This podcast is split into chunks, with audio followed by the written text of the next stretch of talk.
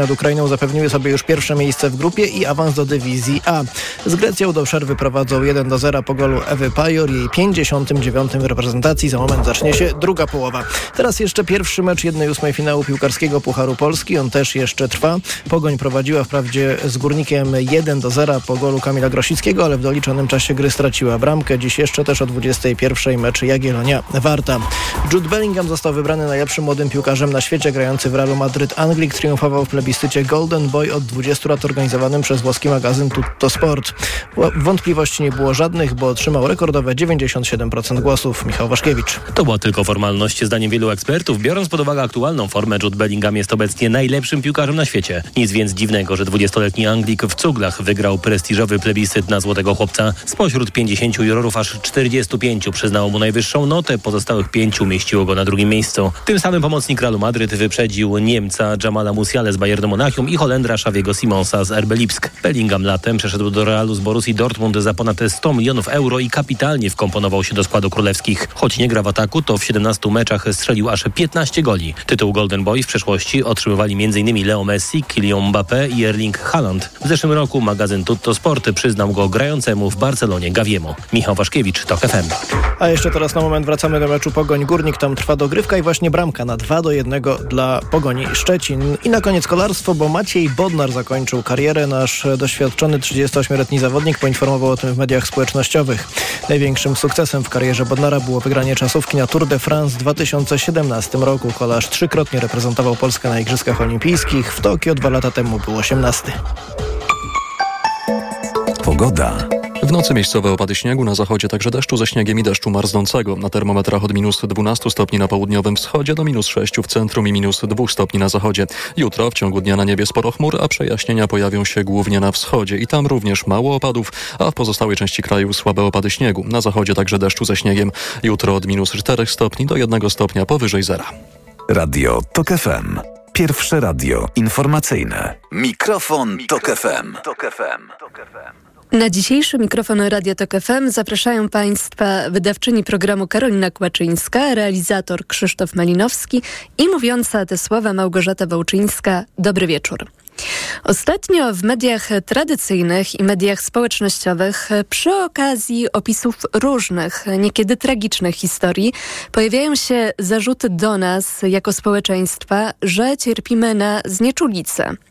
Najłatwiej takie wnioski wysnuć oczywiście zimą, gdy na dworze jest ujemna temperatura, a siedzącego bez ruchu człowieka możliwe, że w kryzysie bezdomności mijają kolejne, pospiesznie mijają osoby. Mm, czy potrafimy w takich sytuacjach reagować? Gdy ktoś potrzebuje pomocy? Oto nasze pytanie e, dzisiaj do Państwa. Za kilkanaście minut e, pojawią się na antenie pierwsze Państwa głosy. Wystarczy wtedy do nas zadzwonić pod numer 22 44 044. Można do nas oczywiście również pisać na adres mikrofonmałpatok.fm i można zamieszczać komentarze na Facebooku, na profilu Radiotok FM. Tam widnieje post z naszym dzisiejszym tematem i tam pierwsze Państwa głosy już także są. Zanim jednak e, Państwo będą dzielić się swoimi doświadczeniami i swoimi opowieściami e, dzisiaj z nami. Chciałabym przywitać naszą gościnę, a jest nią Agnieszka Sikora, prezeska Fundacji Podrugie. Dobry wieczór. Dobry wieczór, witam.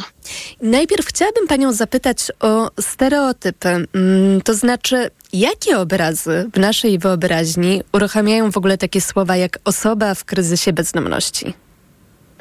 No, ja myślę, że każdy z nas, e, kiedy słyszy to hasło, pewnie widzi coś bardzo podobnego. Ja trochę widzę ten problem inaczej. Myślę, że większość społeczeństwa jednak identyfikuje problem bezdomności z osobami już starszymi, głównie mężczyznami o dość takim charakterystycznym e, wyglądzie, z brodą, zaniedbanymi od strony higienicznej, często e, brzydko pachnącymi, e, śpiącymi gdzieś tam na kartonie, grzebiącymi w śmietniku. Ja mam zupełnie inny obraz tej tej bezdomności, bowiem Fundacja po drugie, którą prowadzę, pracuję z bardzo młodymi osobami. My pracujemy z osobami, które mają 18, 19, 20 lat i również nie mają y, domu, więc ja osobiście bardzo często, a właściwie na co dzień, ten obraz bezdomności y, mam zupełnie inny. Ja widzę osobę 18, 19, 20-letnią, często drobną, bardzo młodą, przypominającą moje dziecko, bo sama mam syna w wieku lat 17. E, Natomiast e, mam takie przekonanie i myślę, że to się coraz bardziej zmienia. Ostatnio e, prowadziłam też zajęcia ze studentami, że jednak ten stereotypowy obraz osoby doświadczającej bezdomności pomału zaczyna być wypierany jednak coraz większą świadomością w tym względzie, ale znów ja mam ogląd z perspektywy kogoś, kto prowadzi organizację o pewnym, no jednak uprzywilejowanym charakterze, bowiem ta młoda bezdomność porusza nas zdecydowanie bardziej. Na ile w takim razie bo powiedziała Pani, że to się już jakoś trochę też zmienia, jeżeli chodzi o nasze wyobrażenie, ale na ile w takim razie w nas e, jest może jeszcze nadal silne przekonanie, że e, przede wszystkim jest się samemu odpowiedzialnym albo samej odpowiedzialną za bycie w kryzysie bezdomności? E, myślę, że ono jest silne i myślę, że ono w pewnym sensie też jest czasem uzasadnione.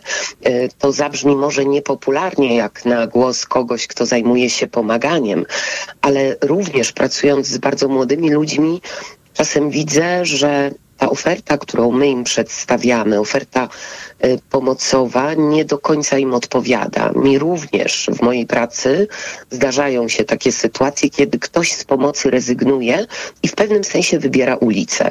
Ja sobie wówczas zadaję takie pytanie, czy to wynika z tego, że oferta, którą my tworzymy, nie jest do końca dostosowana do każdej osoby, czy jednak wynika to też czasem z tego, że ktoś wybiera jakiś styl życia, jakiś sposób funkcjonowania, funkcjonowania, sposób, który daje mu y, poczucie wolności. Niemniej, jeśli cofniemy się do takiego początku bezdomności, do tych pierwszych doświadczeń człowieka, który nagle znajduje się na ulicy i jest w kryzysie, to jest to często zbieg różnych wydarzeń, które y, stały się w życiu tego człowieka. My pracując z młodymi ludźmi bardzo często mówimy o tym, że początkiem ich bezdomności jest dom jest rodzina, w której się urodzili. Przecież to jest coś, na co kompletnie nie mamy wpływu. Znaczna część osób korzystających z naszej, korzystających z naszej pomocy to osoby, które były z rodzin zabrane, trafiły do placówek, trafiły do domów dziecka, trafiły do rodzin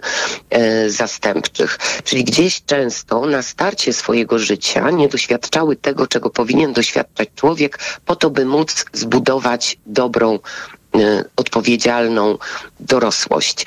Y, coraz częściej młodzież korzystająca z naszej pomocy to osoby, które wychowywały się w rodzinie, ale w rodzinie, która sobie nie radziła, w rodzinie, w której brakowało ciepła, brakowało bezpieczeństwa, w rodzinie, która czasem poszukiwała rozwiązań i pomocy dla swojego dziecka, ale szła niewłaściwą drogą. Więc początkiem tej bezdomności był dom, czyli coś, na co nie mamy wpływu. E, więc e, jakby obarczanie ludzi odpowiedzialnością za to, że stają się e, bezdomnymi, że mają to pierwsze doświadczenie bycia na ulicy, wydaje mi się nie okej. Okay. Natomiast kiedy patrzymy już na tę sprawę w dalszej perspektywie, kiedy rozwija się jakaś pomoc, jakieś wsparcie, y, kiedy patrzymy w jaki sposób ci ludzie korzystają z tej pomocy, co z nią robią, czy działają skutecznie, dlaczego nie potrafią z tej pomocy skorzystać w odpowiedni sposób, to już tutaj mogą pojawić się różne mm, inne wątki takie mniej Jakie? jednoznaczne i mniej czarno-białe. Jakie i czy też e, one jakoś uruchamiają w nas, gdy pani wymieni już je, e, taką e, jakąś chęć do tego, żeby po prostu też oceniać takie osoby? Znaczy ja w ogóle wychodzę z założenia, że takie ocenianie nie do końca jest okej, okay. że też człowiek ma prawo do tego, żeby wybrać sobie jak chce żyć. Czasem ten człowiek wybiera, że nie chce być w schronisku, że nie chce być w noclegowni, że mu to nie odpowiada. Może wybiera tak dlatego, że woli być w czynnym uzależnieniu, że ta choroba tak bardzo go pochłonęła, że nie potrafi żyć inaczej, a nie ma w sobie takiej siły i motywacji do tego, żeby się leczyć, żeby zacząć... Czy ma Pani na myśli choćby uzależnienie od alkoholu i to, że... Od momencie... alkoholu, narkotyków, Gdy jest tak. w takim miejscu, to nie można po prostu takich środków przyjmować. Dokładnie tak. I ten człowiek no, ma prawo dokonać takiego wyboru, nawet jeśli my się bardzo z tym nie zgadzamy, jeśli nawet dla nas jest to bardzo bolesne i trudne do zaakceptowania. Natomiast to, co ja zauważam ostatnio i myślę, że zauważają to również yy, i wiem o tym koledzy i koleżanki, którzy pracują już z osobami starszymi, yy, bo tak jak powiedziałam, my mamy tę grupę docelową bardzo młodą, do 25 roku życia. Y, mamy coraz więcej ludzi, którzy cierpią na problemy zdrowia psychicznego, y, z zaburzeniami y, psychicznymi. Tu może pojawić się taka wątpliwość, jakby, czy te wybory różne i te decyzje, czym one są podyktowane. Tak, że one nie do końca są zdrowymi wyborami, co jakby wynika no, z bardzo konkretnych uwarunkowań zdrowotnych i to jest bardzo trudne.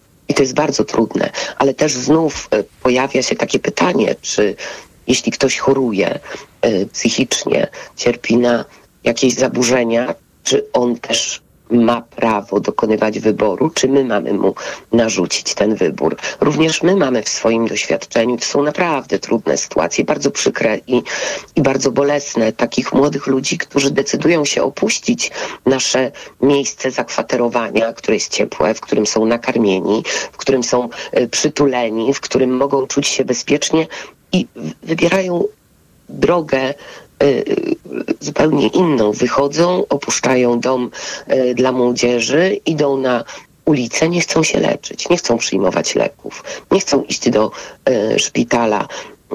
To jest trudne, ale tu też pojawia się takie pytanie, czy oni mają prawo dokonać wyboru. Oczywiście my mamy pewne rozwiązania, bo możemy osobę ubezwłasnowolnić, ale to jest bardzo trudny proces, e, też e, bardzo taki niejednoznaczny, budzący różne e, wątpliwości takiej natury etycznej, moralnej, związane z prawami człowieka. No właśnie, ale tak jest. Natomiast ten obraz bezdomności, tej, tej chorej, zaburzonej jest bardzo trudny. Naprawdę co bardzo bolesny. Co w sytuacji, gdy widzimy osobę w kryzysie bezdomności i e, taka osoba ogrzewa się w środku komunikacji miejskiej albo chce nocować na klatce schodowej, bo często pojawiają się głosy i myślę, że też e, po tym, co pani powiedziała, mogą się pojawić, że jeżeli to jest czyjś wybór, to, no to czemu ten ktoś wpływa też na nasz komfort podróżowania, czy też komfort mieszkania. Jakie pani podejście tutaj by sugerowała? Znaczy, ja muszę Państwu powiedzieć, bo zaczęła Pani od tego, że jesteśmy nieempatyczni, niewrażliwi, że pojawiają się takie zarzuty wobec nas jako y, społeczeństwa. Natomiast ja muszę powiedzieć, że my w organizacji odbieramy bardzo dużo telefonów i maili od zupełnie zwykłych obywatelek i obywateli, którzy na przykład na swojej klatce schodowej, gdzieś w piwnicy, na strychu mają młodych ludzi, którzy e, są w kryzysie bezdomności. I te telefony nie są o tym, zabierzcie go ode mnie, tylko ja częściej doświadczam takiej sytuacji, kiedy ktoś mówi, proszę pani, jest u nas taki młody człowiek, ja go nakarmiłam, e, przyniosłam mu koc, przyniosłam mu ciepłą herbatę, jak ja mogę mu pomóc? Gdzie ja mam go skierować? E, jak go e, wesprzeć? On nie chce iść do noclegowni. Ja to rozumiem. Ja chcę pomóc. Naprawdę mam bardzo dużo takiego doświadczenia. Bardzo chciałam o tym powiedzieć w dzisiejszej audycji, e, żeby jednak podkreślić to, że my wcale tacy nieczuli nie jesteśmy. Natomiast oczywiście nie każdy musi się na to zgodzić. I rozumiem też, że ludzie mogą się czuć zagrożeni taką sytuacją, że ona może powodować jakiś dyskomfort, obawę o choroby, obawę o różnego rodzaju nie wiem, insekty, które znajdą się na tej klatce schodowej, a później przejdą do naszego mieszkania.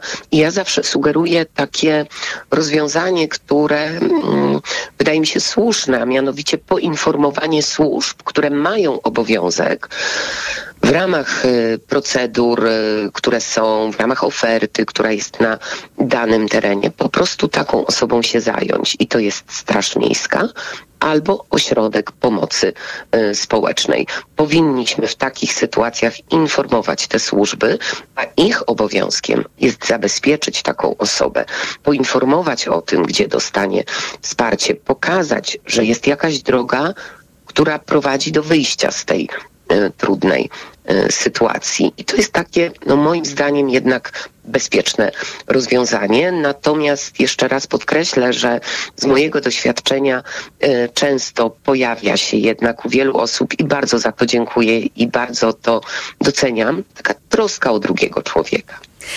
Gdy pojawia się taki telefon z pytaniem do Państwa Fundacji, do Pani o to, jak można pomóc, to coś jeszcze Pani doradza, oprócz zadzwonienia ewentualnie do y, tych służb, które Pani wymieniła? E, Wie pani, te telefony dzwonią z całej Polski i ja nie zawsze znam odpowiedź, jakie dokładnie rozwiązania funkcjonują w różnych miejscach. Natomiast kiedy Czyli to jest kwestia telefon, instytucjonalna.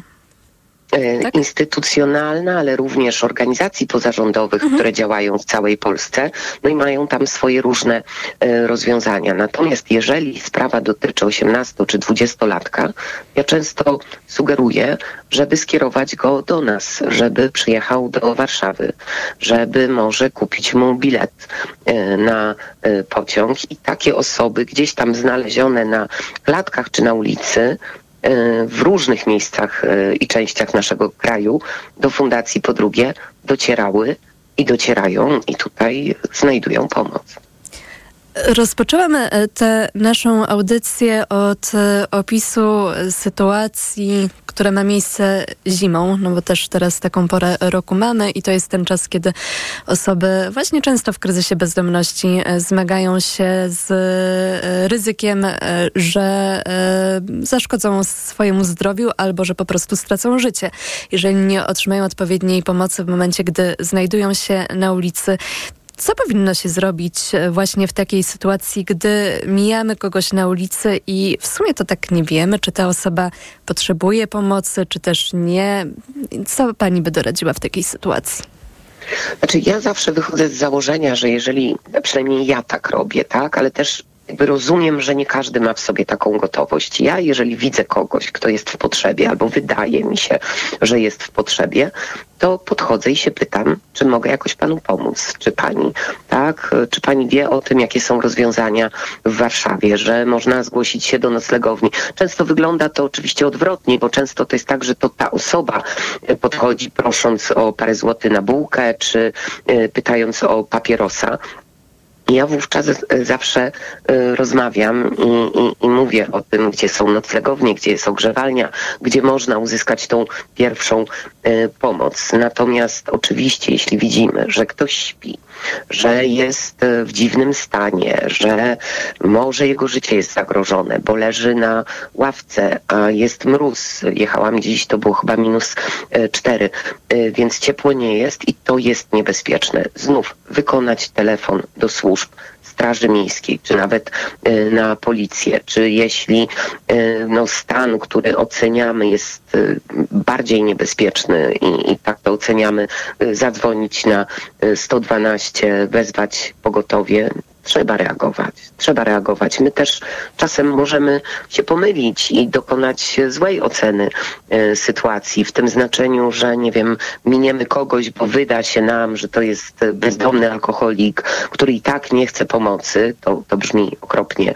E, to mówię, ale my tak do końca nie wiemy, czy to nie jest osoba na przykład chora na cukrzycę, tak, która e, zemdlała, zasłabła i dlatego leży na ławce. Nieważne, kto to jest. Ważne, że to jest człowiek, który, którego stan budzi niepokój. To jest ważne, żeby zareagować, bo naprawdę reagując możemy uratować komuś życie. Powiedziała pani wcześniej, że często, czy też może nie często, ale niekiedy, zwłaszcza gdy to dotyczy osób, które znajdują się na klatce schodowej, pojawia się taka obawa, że mm, na przykład jakieś insekty zostaną przeniesione, kwestie higie- higieny się tutaj kłaniają. E, Więc jest tutaj mowa o lęku, ale czy są jeszcze jakieś inne powody, Pani zdaniem, które sprawiają, że e, potem się pojawiają takie zarzuty w naszą stronę, naszą jako społeczeństwa, że zmagamy się ze znieczulicą, powody, dla których właśnie nie podejmujemy się takiej reakcji, nie wykonujemy tego telefonu, o którym Pani wspomniała? Wie pani, ja naprawdę uważam, że nie jesteśmy tacy niewrażliwi. Ja myślę, że problemem jest czasem brak wiedzy, brak edukacji. My nie do końca wiemy, gdzie się zgłosić, jak tej pomocy szukać. Myślę, że w szkołach brakuje y, takich zajęć, które by uwrażliwiały dzieciaki, y, młodzież, które objaśniałyby system, który mamy. Y, zobaczcie państwo, jak często, skoro my sami na przykład nie korzystamy z pomocy ośrodka pomocy społecznej, to my identyfikujemy te instytucje tylko i wyłącznie jako instytucję, która daje pieniądze i zapomogi. Nie mamy kompletnie świadomości, że jest to instytucja, w której jest pomoc prawna, w której jest pomoc y, psychologiczna, w której odbywa się pogłębiona praca socjalna, która ma asystentów rodziny i tak dalej, i tak dalej. Ja myślę, że bardzo często um, ludzie nie reagują nie dlatego, że nie chcą, tylko dlatego, że nie wiedzą jak. Myślę też, że czasem pokutuje takie myślenie czy takie wyobrażenie, że jeżeli ja zadzwonię po służby, to ja będę miał jakąś odpowiedzialność, a jak te służby o, ocenią, że, że ta sytuacja nie wymagała interwencji, e, to gdzieś mnie będą ciągać, będę musiał coś podpisywać. A to tak nie wygląda. To, to są bardzo proste e, sytuacje, Oczywiście my też powinniśmy no, realizować tą, tą pomoc w sposób odpowiedzialny, ale które tak naprawdę nas nie obciążają. Ja myślę, że wykonanie tego telefonu zgłoszenie się po pomoc daje nam lepsze samopoczucie. Daje nam takie poczucie, że zrobiliśmy to, co trzeba było, że przekazaliśmy sprawę y, w odpowiednie ręce i tak naprawdę nie musimy zrobić więcej niż wykonanie tego telefonu. Ale my czasem tego nie robimy nie dlatego, że nie jesteśmy nieczuli, ja myślę, że jednak jesteśmy y, wrażliwi, y, ale my po prostu nie wiemy, dokąd jak, y, co się wtedy stanie, y, czy ktoś coś będzie od nas chciał, czy będziemy musieli coś podpisać i tak dalej, i tak Pan dalej. Michał na Więc... Mhm. Facebooku, y, na profilu Radiotok FM pod postem z naszym dzisiejszym tematem napisał, że kiedyś jak zadzwonił na policję, czy też pogotowie, już nie pamięta, dostał informację, że będzie musiał pokryć koszty przyjazdu mm, ambulansu.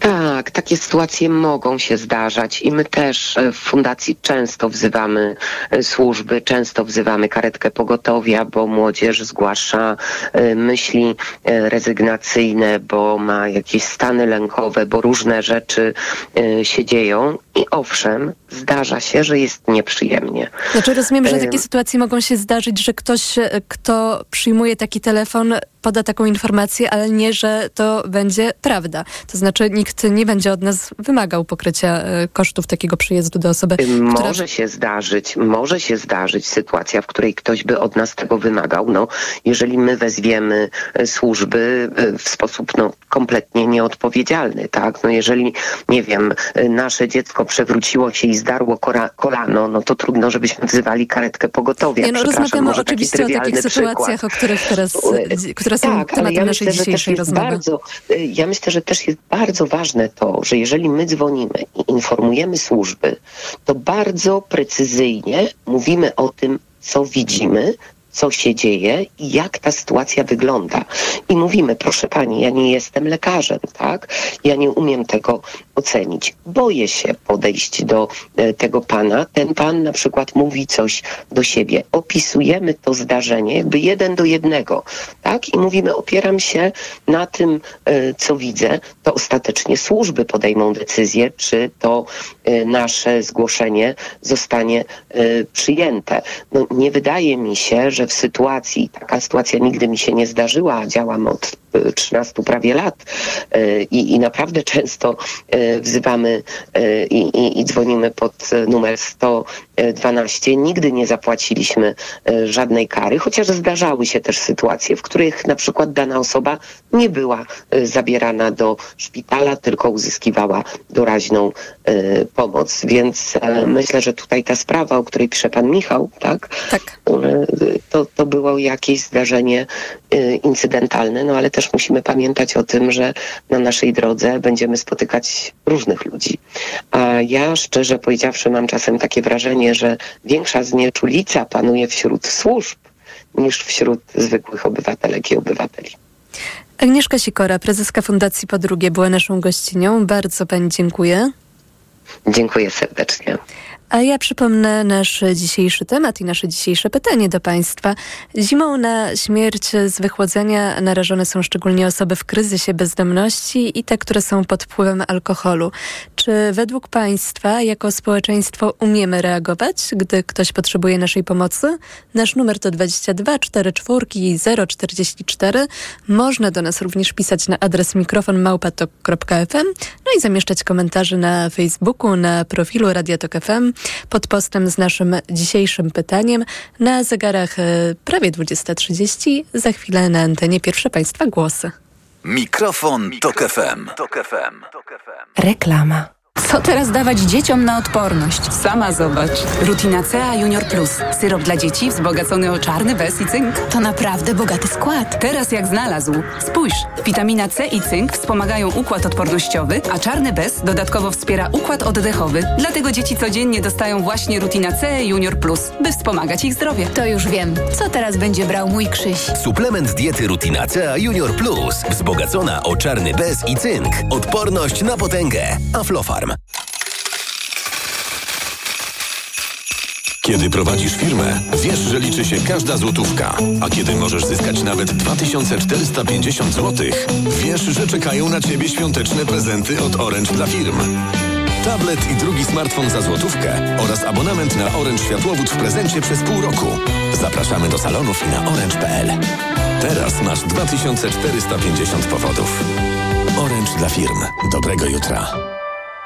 Co można kupić za 40 groszy? Dwie kostki czekolady, pół jajka albo dzienną porcję witamin i minerałów, bo tylko tyle kosztuje jedna tabletka ActiVitaminer Senior D3.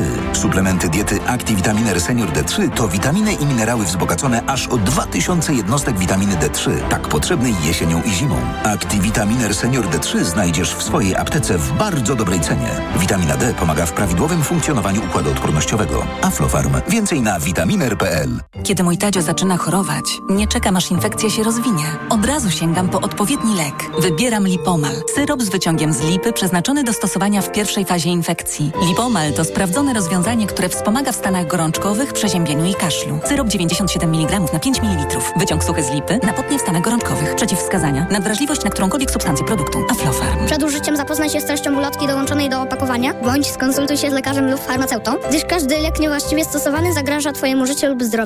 Media ekspert jest cool. Na święta ceny. Już są przeceny na święta w Media Expert. Na przykład kultowa konsola Xbox Series S. Najniższa cena z ostatnich 30 dni przed obniżką 1699 zł 99 groszy. Teraz za jedyne 1549 z kodem rabatowym taniej o 150 zł. Pani dietetyk, często się pocę. Miewam wahania nastroju. To może być menopauza. Proszę zastosować tabletki Klima Forte. Menopauza?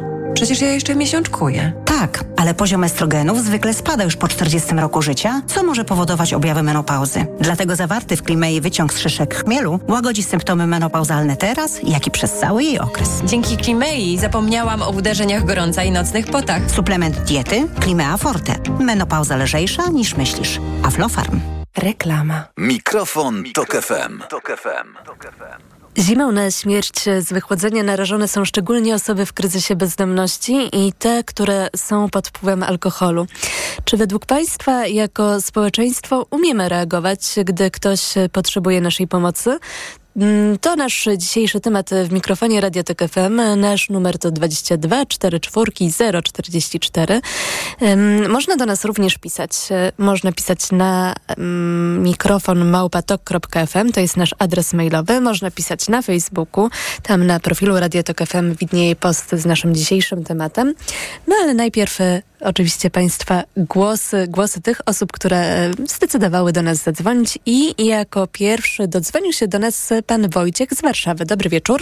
E, Dobry wieczór. E, Proszę Państwa, ja chciałem się posłużyć może takim przykładem. Proszę o cierpliwość oczywiście. Niedawno zmarła, nie tak dawno, znaczy 2-3 lata temu zmarła, jak wiadomo, Tina Turner, sławna piosenkarka. Jednym z jej teledysków, niestety jakoś nie pokazują tego teledysku, ale ja przypomnę, w jednym z teledysków było tak, że ona y, siedzi w samochodzie eleganckim, luksusowym i widzi jak na śmietniku jakaś tam, czy murzynka, czy jakaś tam biedna osoba grzebie tam śmiecia i tak dalej. Postanawia jej pomóc, coś tam jej tam y, zostawia, y, prawda, na obok, obok tam kładzie czy coś i wraca do samochodu. I widzi, że ona y, burmuszy się, odwraca i nie chce ten wziąć. Jej się po, pojawiają łzy w oczach. To jest taki teledysk Tiny Turner i tak, i tak było. Proszę Państwa, jeżeli ktoś czegoś, y, ktoś mu chce dać i traktuje go jako osobę y, inną, może gorszą, biedną, często takie się osoby unoszą ambicją, godnością i mają rację. Każdy ma swój honor i ambicje każdy wie, że na przykład, na przykład jest coś takiego jak lek. Jeżeli nie chce brać, to nie będzie brał i nie, nie, powinno, nie powinno się go nakłaniać do żadnego brania, powiedzmy, leków czy coś. Natomiast trzeba natomiast wszystko zrobić, żeby takiej biednej osobie zaoferować nocleg, ogrzewanie, y, pożywienie przede wszystkim i tak dalej. I dlatego tutaj na pierwszym rzędzie, na, na, najwspanialszym człowiekiem był Marek Kotański, którego niestety nie ma. No szkoda, że nie ma Dia Kotania chyba y, też nie jest obchodzony tak, y, kiedyś był obchodzony. No i, i, i strasznie żałuję, bo to jest najważniejsza sprawa. Ja się posłużę jeszcze jednym przykładem. Wielki dyrygent Bogdan Wodiczko. On umarł, jak się dowiedział o śmierci syna, odmówił brania lekarstw. Przez dwa tygodnie się męczył i umarł. Czy ktoś go namawiał? Nikt go nie namawiał do brania lekarstw, ża- żadnych tych, ponieważ uszanowali, że ktoś ma takie życzenie, tak postarować, tak Panie pokierować swoim życiem. Mhm, a ja mam pytanie proszę do bardzo, pana. nie robić nic takiego wobec osób bezdomnych, żeby na Panie przykład go nakłaniać na jakiekolwiek le- leczenie. Tak, Halo. Panie słucham. Wojciechu. Tak, e, ja mam pytanie do pana, tylko jeszcze chciałam, taką prośbę mam, żeby o sytuacji, którą pan opisywał przy okazji teledysku, to e, e, sformułowanie, którego pan użył jest obraźliwe i lepiej używać określenia choćby osoba czarna. Natomiast chciałam się zapytać, jak pan reaguje w takim razie, gdy nie jest pan pewien, czy ktoś potrzebuje pomocy, czy też nie, ale czy wtedy stara się pan wykonać ten pierwszy krok jakoś, jeżeli tak, to w jakiś sposób? Y, No ja nie mogę przyjść obojętnie. Ja zawsze albo to coś, coś daję, albo, albo coś z jedzenia, albo, albo nawet tą złotóweczkę czy dwa, ale nie mogę przyjść. No wiele ludzi przychodzi obojętnie, no niestety. No niestety takie, takie, takie są czasy i ja bardzo nad tym, nad tym boleję. Y, Także, także y, ja osobiście no, no, no, no nie mam serca, żeby, żeby pozostawić taką osobę tak od po prostu. Chciałbym się zapytać, ale to już jest inna sprawa, skoro mówimy o znieczulicy w ogóle. Mogę? Mm, to tak króciutko, ale nie wiem, czy panu odpowiem, albo też kolejne osoby jeszcze. Nie, bo chodzi mi o to, czy kiedy, bo już dwa miesiące czekam na taką audycję o, o właśnie też związaną z nieczulicą. Chodzi o męczenie zwierząt rytualny ubój. Czy kiedy będzie na ten temat audycja? Na temat e, uboju rytualnego, tak? D- Dobrze usłyszałam? Na pewno. tak. Na pewno będzie, tak? Na no pewno. Dobrze. No to już, ja, jeśli chodzi o mnie, to ja właściwie wszystko powiedziałem. No, no, no, wyrażam głębokie, głęboki żal, że, że, na, że nie ma tych dni Kotana, że się nie przypomina o osoby Marka Kotańskiego, który najlepiej postępował. On się nie pytał, y, nie wpływał, nie pytał się, tylko po prostu tą pomoc oferował, starał się zebrać ich wszystkich, żeby oni się czuli dobrze ze sobą i, i dać ogrzewanie. I zakładam, że uważa pan, że z takich osób należy brać przykład, jak najbardziej słusznie. Panie Wojciechu, bardzo panu dziękujemy, że pan do nas zadzwonił, a teraz łączymy się z panem Szymonem z Rogowa. Dobry wieczór. Dobry wieczór, witam serdecznie. No i chciałam zapytać Pana o ocenę tego, czy Pana zdaniem potrafimy reagować w sytuacji, kiedy ktoś e, być może potrzebuje naszej pomocy, ale może nie jesteśmy tego pewni, albo jesteśmy w jakimś tłumie, pośpiechu. Jak to wygląda z Pana doświadczenia? Wie pani co, wydaje mi się, że nie potrafimy reagować tak, jak powinniśmy, ale bardzo chciałbym wierzyć, że, że jednak potrafimy. Dlaczego tak sądzę? E, Miałem kiedyś taką sytuację w życiu, może ona de facto nie dotyczy już tutaj reagowania mm, i udzielania pomocy takiej właśnie osobie w potrzebie, która gdzieś tam, mówiąc po prostu kolokwialnie, leży. E, Nie wiemy, czy jest pijana, czy coś się z nią wydarzyło. Wie co, podszedł do mnie kiedyś chłopak, chłopak był w moim wieku, była zima, on się mnie zapytał, czy dałbym jakieś pieniądze? No to takie to jest dość, e, można powiedzieć, bardzo często spotykane pytanie, tak? Gdzieś tam spojrzałem na niego, nie wygląda za dobrze. Powiedziałem do niego, no nie dam ci tych pieniędzy, bo pewnie tak sobie pomyślałem, pójdzie, napije się. Po co mu to? E, Facet za mną odwrócił się i e, powiedział sam do siebie, słuchaj, ja naprawdę chciałem zjeść, ja jestem po prostu głodny, ja po prostu potrzebuję czegoś ciepłego. E, Proszę uwierzyć, że ta sytuacja została w mojej głowie aż do teraz. E, tak naprawdę nie wiedziałem, o czym będziemy rozmawiać, gdy pani e, operatorka powiedziała mi tutaj, realizatorka, że będziemy mówić na ten temat, teraz ta historia wpadła mi do głowy. Więc może po prostu nie mówmy o tym, jak reagować. O tym też mówmy, gdy już coś się dzieje, ale spójrzmy na to z innej strony, może nie dopuszczajmy do tego, by ci ludzie po prostu gdzieś tam um, um, można powiedzieć tak marznęli, tak? Czy e, Ale to co Pan ma na myśli? To znaczy, jak Pan by widział, jakie by Pan tutaj widział rozwiązania, żeby do takich sytuacji nie dochodziło? no, może zróbmy więcej tych miejsc, w których rzeczywiście ludzie, którzy mają problemy e, e, z ciepłym posiłkiem, mogli się do nich udać, albo chociażby miejsc, w których moglibyśmy e, się ogrzać, tak? Bo w dużych miejscach jako tako jest to rozwiązane. No, no czy, czy dobrze? No, ciężko to powiedzieć. Sam widziałem, że e, w, przy przystankach można podejść, ogrzać się, są takie paleniska robione. No ale ludzie, którzy są bezdomni, wydaje mi się, że nie będą podchodzili w miejscach, w takich dużych aglomeracjach, w których jednak gdzieś tam trzeba się zmierzyć z tym wstydem. Tak jest moje wrażenie. Myślę, że to by było dobre, żeby gdzieś tam po prostu na uboczach y, były miejsca, w których gdzieś tam człowiek mógł podejść się podgrzać. Co pani uważa? No. To dzisiaj pytanie jest, co Państwo uważają. Ja tylko tutaj Mhm. mam e, możliwość e, e, zadawania pytań i Jasne. wysłuchiwania. E, Ale bardzo dziękuję za Pana głos i za taki pomysł, czy też podkreślenie, że różnego rodzaju inicjatywy, które mogą po prostu wspomóc osoby, które takiej pomocy potrzebują gdzieś na zewnątrz, żeby, żeby się pojawiały. Myślę, że to bardzo cenne. Był z nami Pan Aleksander z Warszawy. My dzisiaj pytamy Państwa o to, czy mm, gdy widzimy osobę, która być może jest w kryzysie bezdomności, być może jest pod wpływem alkoholu, e, ale być może również potrzebuje pomocy. Czy e, potrafimy w takiej sytuacji się zatrzymać? Wiemy, co zrobić, żeby ewentualnie jej pomóc. E, Nasz numer to 22 44 044 i e, pod ten numer zadzwonił teraz pan Andrzej z Poznania. Dobry wieczór.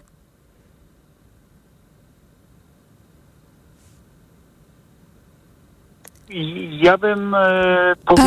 Panie Andrzeju, jeszcze raz bym poprosiła. Dobry wieczór, bo nie słychać było początku. E, Dobry wieczór pani red- redaktor, dobry wieczór wszystkim słuchaczom. E, Ja bym troszeczkę spojrzał na to z innego punktu widzenia niż do tej pory. Państwo patrzyliście, z punktu widzenia zwykłego szarego człowieka. Kiedyś, mm, e, to znaczy kiedyś, jakieś 20-30 lat wcześniej, ludzie mieli więcej czasu dla siebie, dla, dla różnych innych pobocznych spraw niż tylko praca. W tej chwili e, praca i tylko praca jest najważniejsza dla wszystkich i oprócz pracy człowiek już nie ma praktycznie na nic czasu. I ten pęd po prostu rozwoju, pracy, tego wszystkiego powoduje to, moim zdaniem, że ludzie nie zauważają tego, co powinni zauważyć, tak? Nie, nie zwracają uwagi na drugiego człowieka, na to, czy on czegoś nie potrzebuje, czy mu się coś nie stało. Zazwyczaj też jest tak, że e, przechodząc e, w myślach tam e, sobie mówią, no ktoś inny pomoże, ja nie mogę, ja nie mam czasu. Panie Andrzeju, ale przecież te kilkadziesiąt lat temu, o których y, czasach pan mówi, też się pracowało po 8 godzin i pracowało się jeszcze nawet w sobotę. Tak, ale kiedyś były inne czasy, kiedyś się szło do pracy na te 8 godzin, tak jak pani mówi, nawet w soboty się pracowało, też te czasy pamiętam, y, ale pieniądze, które się zarobiło, mm, y, można było jak gdyby spokojnie za te pieniądze żyć i nie trzeba było się tam jakoś mega mocno zastanawiać, czy nam starczy, aby na pewno od pierwszego do pierwszego. A w tej chwili jest tak, że my y, idąc y, taką samą drogą prostolinijną jak wtedy, to niestety człowiekowi nie wystarczy. I, i, i tutaj jest pogoń za pieniędzmi, za tym, żeby, żeby więcej pracować, żeby mieć więcej pieniędzy, żeby mieć lepszą pozycję społeczną, ale kosztem czego? Kosztem czasu, kosztem, yy, kosztem wszystkiego w sumie. A czy ma pan poczucie, że pana również dotknęła ta zmiana? To znaczy, że pan również inaczej się teraz zachowuje i mniej chętnie, bo jest pan zajęty swoimi sprawami, zareagowałby na kogoś, kto być może potrzebuje pomocy? Yy, powiem tak, ja zawsze reaguję, ze względu na to, że ja tak byłem wychowany, tak nauczony za młodu. A druga rzecz jest taka, że ja swego czasu byłem strażakiem ochotnikiem, również też za czasów, kiedy telefonów komórkowych nie było, należałem do Polskiego Związku CB Radio w Poznaniu, kanał 9 Polskiego Związku CB. To jest kanał ratunkowy, na którym między innymi ze służbami żeśmy się zmieniali. Mieliśmy charytatywne 3-4 godzinne dyżury o różnych porach, również nawet w nocy, nad ranem, wieczorem, w ciągu dnia. To wszystko zależało od grafiku, od y, koordynatora naszego. Więc wie pani, no y, ja podchodzę do tego tak, że jeżeli widzę człowieka e, lub osobę lub kogokolwiek, kto może potrzebować pomocy, to ja się zatrzymię i pomogę. To nie jest tak, że przechodzę sobie obojętnie. Jak jest e, na przykład wypadek, to nieważne, czy ktoś jest, czy kogoś nie ma, ja się po prostu zatrzymuję i obligatoryjnie też pomagam. Z drugiej strony ja jestem też gdzieś zobligowany jako ratownik e, ze względu na to, że e, przejeżdżając ko takiego wypadku, gdybym to zlekceważył, to w tym momencie, gdyby ktoś wiedział, że byłem tym ratownikiem i że nie udzieliłem pomocy i że pojechałem sobie dalej, mógłbym odpowiedzieć nawet karnie za to. Panie Andrzeju, bardzo dziękujemy za Pana głos na naszej antenie. Pan Andrzej postawił taką tezę, że nie reagujemy tak ochoczo i chętnie jak dawniej, ale że to wynika z tego, że po prostu nie mamy teraz czasu, że jesteśmy zatroskani, że martwimy się o własne potrzeby, własne życie, bo teraz po prostu żyje się trudniej i że to właśnie z tego wynika. A teraz Przenosimy się do Warszawy z powrotem, bo jest z nami pan Aleksander. Dobry wieczór. Dobry wieczór. No ja przypomnę tylko jeszcze Panie Aleksandrze, również y, dla tych osób, które dopiero teraz włączyły radioodbiorniki, że pytamy dzisiaj o to, czy jako społeczeństwo umiemy reagować, gdy ktoś potrzebuje naszej pomocy. No i tutaj tak, taką y, wyobrażamy sobie sytuację pierwszą z brzegu w kontekście tego, że jest zima, że po prostu idziemy ulicą i widzimy osobę, która być może jest w kryzysie bezdomności, być może jest pod wpływem alkoholu, no ale właśnie, być może potrzebuje pomocy, tego nie wiemy i, i co wtedy, czy, y, czy potrafimy y, odpowiednio zareagować? Jak pan uważa? Mi się wydaje, że jako społeczeństwo y, no, myślę, że mamy dobre chęci i sporo osób podchodzi, reaguje, pyta się, no jak ktoś leży, to, to, to sprawdzą, tak? Co dziesiąty może, ale jednak. Natomiast Y, to jest też tak, że my, że często y, myślę, że ludzie myślą, że są bezradni, cóż mogą pomóc, tak? No mróz to mróz, tak? Ale już y, abstrahując od, od takiej sytuacji, że y, bezpośredniego zagrożenia życia, czyli leżenia na, na chodniku w, mroza, w mróz, y, to w sumie społeczeństwo nie jest za bardzo chyba wyedukowane i często myślę, że ludzie czują po prostu bezradność, bo co, co mają do, co, co mogą zrobić, tak? Dać piątaka. A co pan robi w takiej sytuacji? Y, jakiej? Gdy widzi pan kogoś, kto siedzi nawet, ale bez ruchu i jest zimno i tak naprawdę to właśnie nie wiadomo, czy to no, osoba... Generalnie, generalnie jak ktoś y, siedzi, no to y, no, no widzę, że ma otwarte oczy, no to raczej nic nie reaguje, tak? No, staram się generalnie, jak rozpoznaję bezdomnego, powiedzieć mu chociaż be- dzień dobry. Tak, to już jest może coś, bo wtedy może na mnie spojrzy. Natomiast no, gdyby ktoś leżał, no to trzeba zawsze, zawsze i zawsze y, y, sprawdzić, czy jest przytomny. Y, chciałbym jeszcze powiedzieć, y, troszkę abstrahując, że no, bezdomnych ma gmina. Tak? W, tym, w przypadku Warszawy to jest miasto stołeczne Warszawa. Y, I Chodzi panu o odpowiedzialność, tak? I wsparcie. To pan ma na myśli mówiąc o tym, że ma. Tak, no odpowiada za, za Mhm. to, że ma, y, gmina ma bezdomnych, tak? Ma noclegownię. Opinia wśród bezdomnych jest taka, bo rozmawiałem z kilkoma, y, że w noclegowni są robale, tak? Pluskwy i wszy. Y, tak wyglądają noclegownie. Schronisko, był chłopaczek w schronisku teraz y, na Włochach, y, koło fortu Włochy, no to tam y, pluskwy są w schronisku. Tak, więc jeżeli ja słyszę tu od pani z fundacji, która mówi, że bezdomny nie chce do schroniska, tak, nie chce do noclegowni, to ja bym się zastanowił na miejscu pani, dlaczego on nie chce.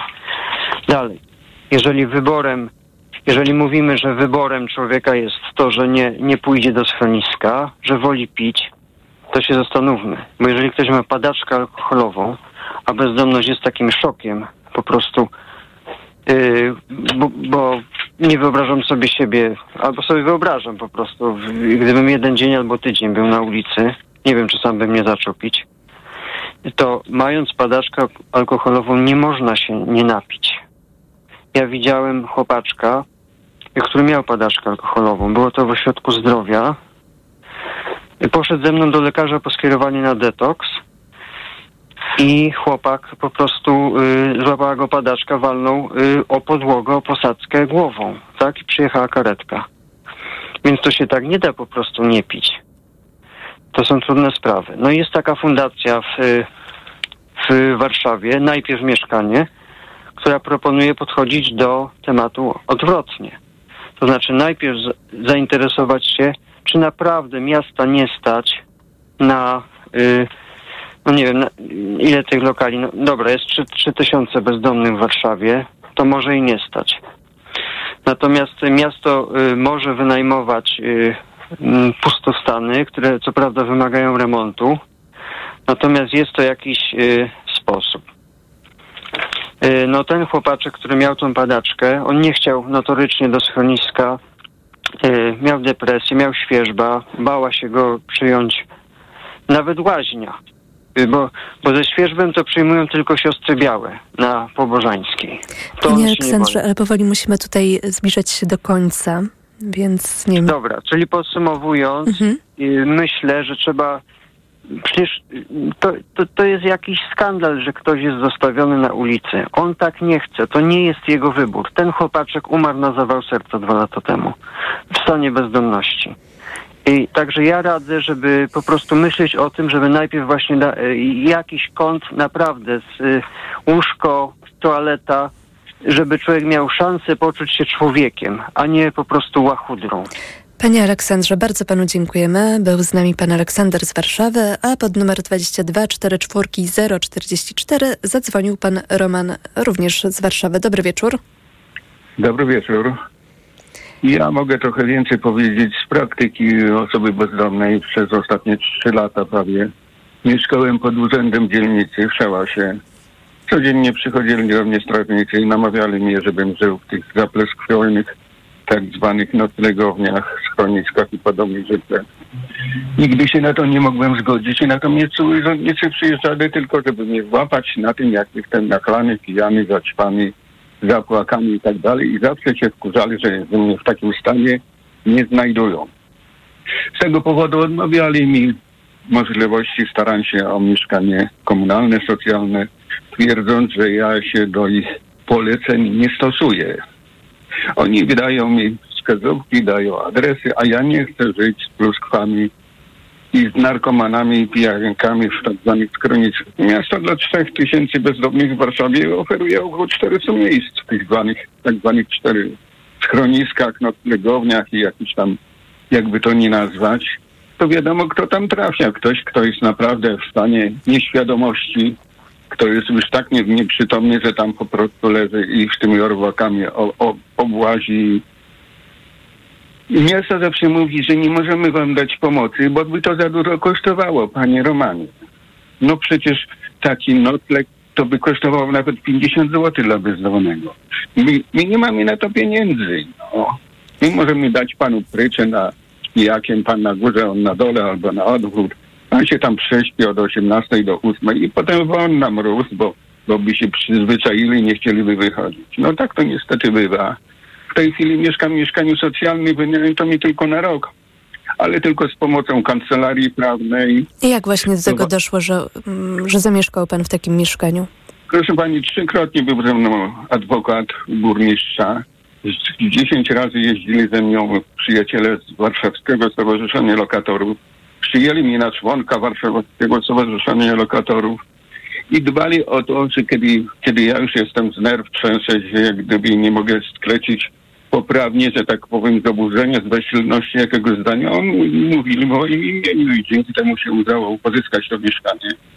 Natomiast mieszkam w mieszkaniu, które ja zajmuję, a obok jest blok cały- siedmiopiętrowy pustostanów, gdzie mieszkają dwie, najwyżej trzy rodziny, bo ja codziennie chodzę na spacer i widzę, że nigdy nie świeci tam światło. Zachodziłem tam, to, to jest jakieś roszczenia, ktoś coś tam może kiedyś kupił, albo znajdzie się może jakiś przyszły właściciel, to mu się to odda, tak podchodzi do tego miasta. No poza tym miasto już oddało 4000 kamienic, tak zwanym, że tak powiem, rzekomym spadkobiercom z Izraela 120 i 140-letnich i teraz twierdzą, że nie ma mieszkań i nie będzie. Jak?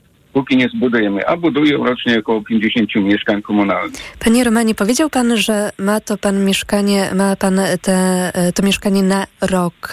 Kiedy ten termin mija i co dalej? Termin mija, termin mija w, e, w końcu e, nie lutego następnego, w końcu marca. No to mam na szansę nie zamarznąć jeszcze tej zimy. Natomiast trzy zimy przemieszkałem 300 metrów od urzędu dzielnicy Warszawy i oni, oni się z tym bardzo dobrze czuli. Teraz mają do mnie pretensje, że na tym placu pozostały jakieś rzeczy, jakiś stary namiot. Ja mam na własny koszt to usunąć.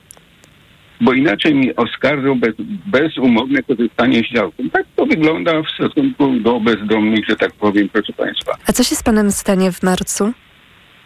Proszę Pani, będę się starał o przedłużenie warunków umowy tego.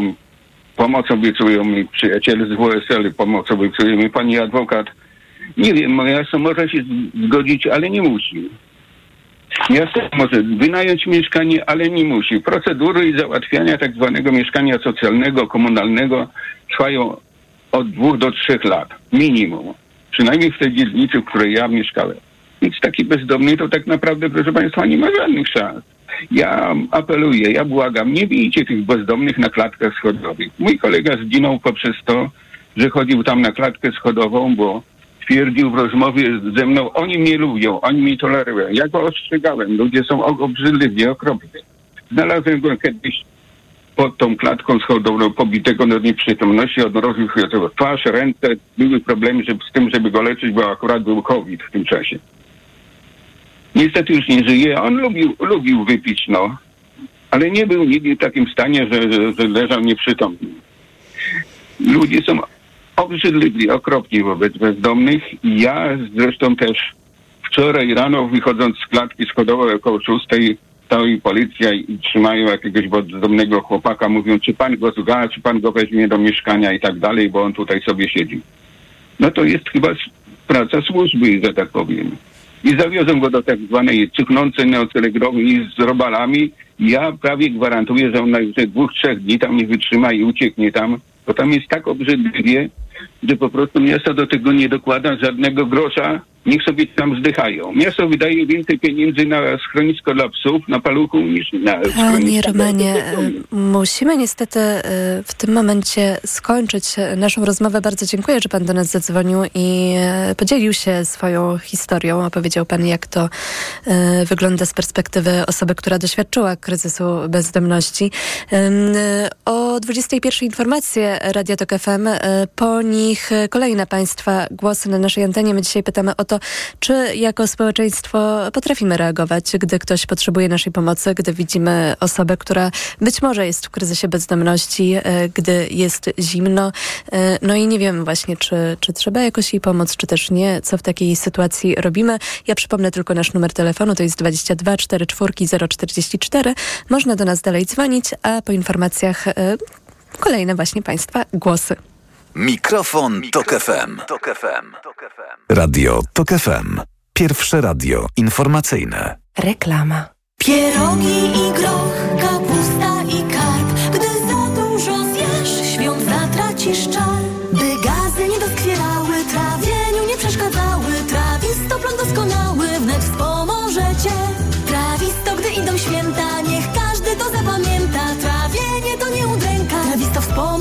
Trawisto to suplement diety, który zawiera składniki takie jak wyciąg z mięty pieprzowej, ostryżu długiego i ekstrakt z owoców kopru, który wspomaga trawienie. Trawisto. I trawisz to. Aflofarm. Już są przeceny na święta w Media Expert. Smartfony, laptopy gamingowe, smartwatche, słuchawki bezprzewodowe, szczoteczki soniczne, głośniki mobilne w super niskich cenach.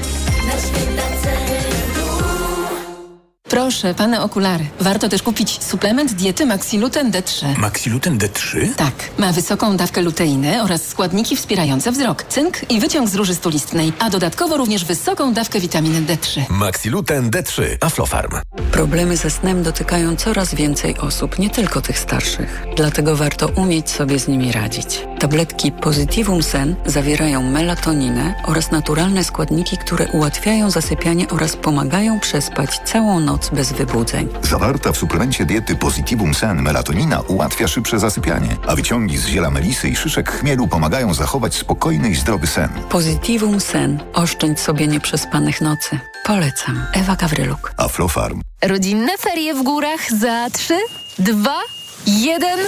Nie spóźnij się. Rezerwuj pobyt w pięciogwiazdkowym hotelu Elements w Świeradowie Zdroju. Skibus, stok narciarski z fabryką śniegu i organizacja sprzętu narciarskiego. Ferie zimowe w hotelu Elements w Świeradowie Zdroju. Wejdź na elements-hotel.pl Boli mnie gardło. Mamo, zerkniesz? Czerwone. Babcia da ci lizaka. Lizaka? No co ty? Lizaka Naturcept Med Gardło bez cukru. To wyrób medyczny, który leczy podrażnienia, łagodzi ból i nawilża gardło. Mmm, pyszne. Jak gardełko? Już nie boli. To jest wyrób medyczny. Używaj go zgodnie z instrukcją używania lub etykietą. Łagodzi podrażnienia, nawilża i odświeża błonę śluzową jamy ustnej i gardła. Aflofarm. Lizaki Naturcept Med. Pysznie smakują, gardło kurują. Reklama. Radio Tok FM. Pierwsze radio informacyjne. Wtorek, 5 grudnia, minęła 21.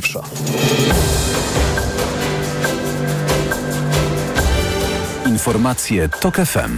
Arkadiusz Urbanek. Sejmowa Komisja Ustawodawcza przyjęła uchwałę o powołaniu Komisji Śledczej do spraw inwigilacji Pegasusem. Komendant Małopolskiej Policji zaczął postępowanie dyscyplinarne wobec funkcjonariuszy z Andrychowa w związku ze śmiercią 14-letniej Natalii.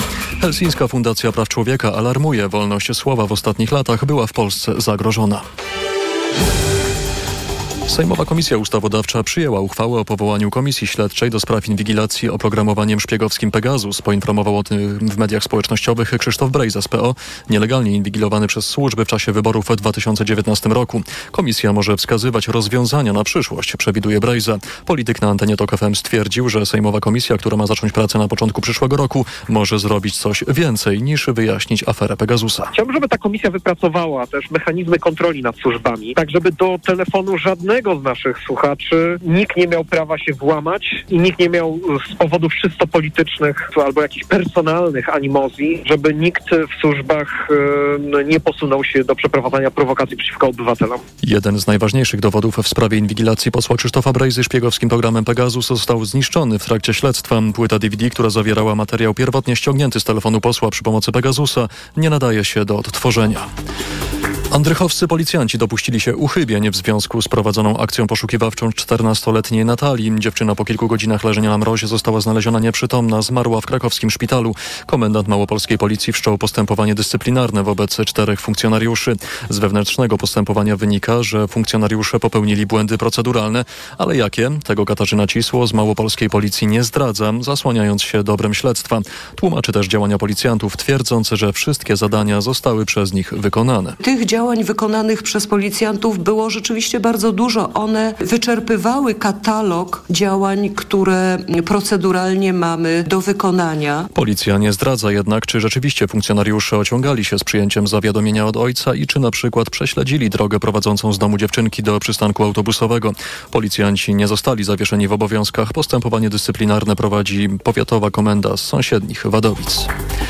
Nie zmienia się sytuacja na polsko-ukraińskich przejściach granicznych w Korczowej i Medyce. Wciąż stoją tam wielokilometrowe kolejki ciężarówek. Przyczyną jest trwający już od kilku tygodni protest polskich przewoźników i wspierających ich rolników. Tylko w Medyce na odprawę kierowcy ciężarówek muszą czekać kilkadziesiąt godzin. O szczegółach Szymon Kępka. Nie lepiej jest przed przejściem w Korczowej, bo tam do odprawy zapisanych jest około 520 ciężarówek. Nieco lepiej jest w Krościenku. Tam także kolejka, ale w dużym cudzysłowie zaledwie na 14 godzin. Protest y, polskich przewoźników trwa już od 6 listopada. Ta grupa domaga się wprowadzenia zezwoleń komercyjnych dla ukraińskich firm przewozowych. Jest też postulat dotyczący likwidacji tzw. Tak elektronicznej kolejki po stronie ukraińskiej. Protest nieoficjalnie może potrwać nawet do stycznia. Szymon Kępka, TOK FM. Opóźnienie omawianej w Kongresie USA pomocy dla Ukrainy może spowodować duże ryzyko, że Ukraina przegra wojnę, oświadczył szef Kancelarii Prezydenta Włodymyra Załońskiego Andrii Jermak w Waszyngtonie.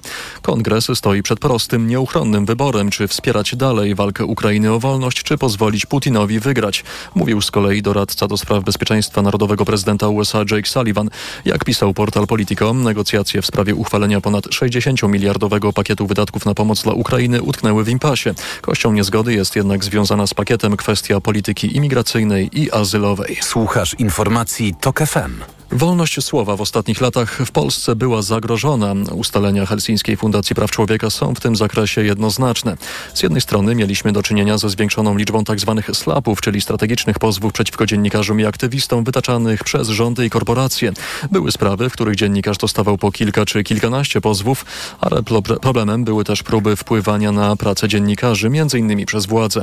Anna Gmiterek-Zabłocka. Konrad Siemaszko z Helsińskiej Fundacji Praw Człowieka przyznaje, że władza nauczyła się korzystać ze slapów, by zatruwać dziennikarzom życie. Taki pozew czy akt oskarżenia o zniesławienie ma z reguły jeden cel. Przede wszystkim ma na celu uciszenie dziennikarzy, dziennikarki czy innej osoby zabierającej głos w debacie publicznej, takie przeczołganie dziennikarzy, dziennikarki, aktywistki, aktywistki przez postępowanie sądowe. Przeczołgany, jak mówi prawnik, został m.in. Rafał Remont, dziennikarz ze Szczecina, bo burmistrz Gryfina skierował do sądu prywatny akt oskarżenia za zniesławienie. Poszło o pytania, jakie dziennikarz w sprawie burmistrza wysłał do biura prasowego jednej ze spółek. Odczułem jakby takie rozczarowanie polskim wymiarem sprawiedliwości. Taka sprawa powinna się w zasadzie zakończyć na pierwszym posiedzeniu sądu. A trwała prawie sześć lat. Pan Rafał ostatecznie wygrał przed Sądem Najwyższym. Anna Gmiterek-Zabłocka, TOK FM. A więcej na ten temat można przeczytać na portalu tokefm.pl. I na koniec jeszcze informacja dla mieszkańców Krakowa. Kilkadziesiąt budynków przy dziewięciu ulicach na północy miasta zostało pozbawionych ogrzewania w związku z awarią sieci ciepłowniczej. Jak poinformowało Miejskie Przedsiębiorstwo Energetyki Cieplnej, naprawa może potrwać do godziny 23. Problem dotyczy budynków przy ulicach Banacha, Bociana, Kuźnicy Kołątajowskiej, Marczyńskiego, Natansona, Papierni Prądlickich, Siewnej, Słomczyńskiego i Zauchy. Pogoda. W środę w ciągu dnia na niebie sporo chmur, a przejaśnienia pojawią się głównie na wschodzie. Tam również mało opadów, a w pozostałej części kraju słabe opady śniegu. W zachodniej części kraju także deszczu ze śniegiem.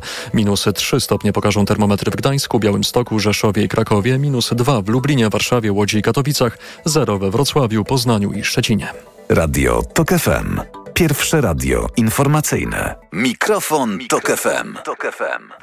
A nawet druga część mikrofonu Radio Tok FM, bo pierwsza była przed godziną 21, przed informacjami. Przypomnę nasz dzisiejszy temat. Brzmi on tak. Zimą na śmierć z wychłodzenia narażone są szczególnie osoby w kryzysie bezdomności i te, które są pod wpływem alkoholu. Czy według Państwa jako społeczeństwo umiemy reagować, gdy ktoś potrzebuje naszej pomocy? O to dzisiaj pytamy. Pytamy o Państwa doświadczenia. Nasz numer to 22 44 044. Adres to mikrofonmałpatok.fm. No i można do nas również pisać na Facebooku. A pod podany um, numer zadzwonił pan Krzysztof z Torunia. Dobry wieczór. E, Dobry wieczór. E, Ja e, generalnie trochę inaczej, bo, bo, bo, bo nie wszyscy potrafimy pomagać, natomiast e, tam, gdzie e, są ludzie poza systemem i system też nie do końca działa, powstają też takie organizacje, które gdzieś tam oddolnie próbują pomagać i właśnie ja się na taką ostatnio natknąłem organizację w Toruniu, która się nazywa Serce Torunia. E, I to jest właśnie organizacja, która zajmuje się pracą z osobami w kryzysie bezdomności. E, To jest coś niesamowitego, bo to są ludzie, którzy tak naprawdę charytatywnie nie mają nic z tego. E, Właśnie zajmują się pomocą tym osobom. Ostatnio nawet od miasta udało mi się pozyskać dość duży lokal, w którym osoby w kryzysie bez- bezdomności mogą otrzymać ubrania, mogą wziąć prysznic, mogą coś zjeść, trochę się ogrzać. E, Też są organizowane patrole, które jeżdżą po mieście z też pro bono.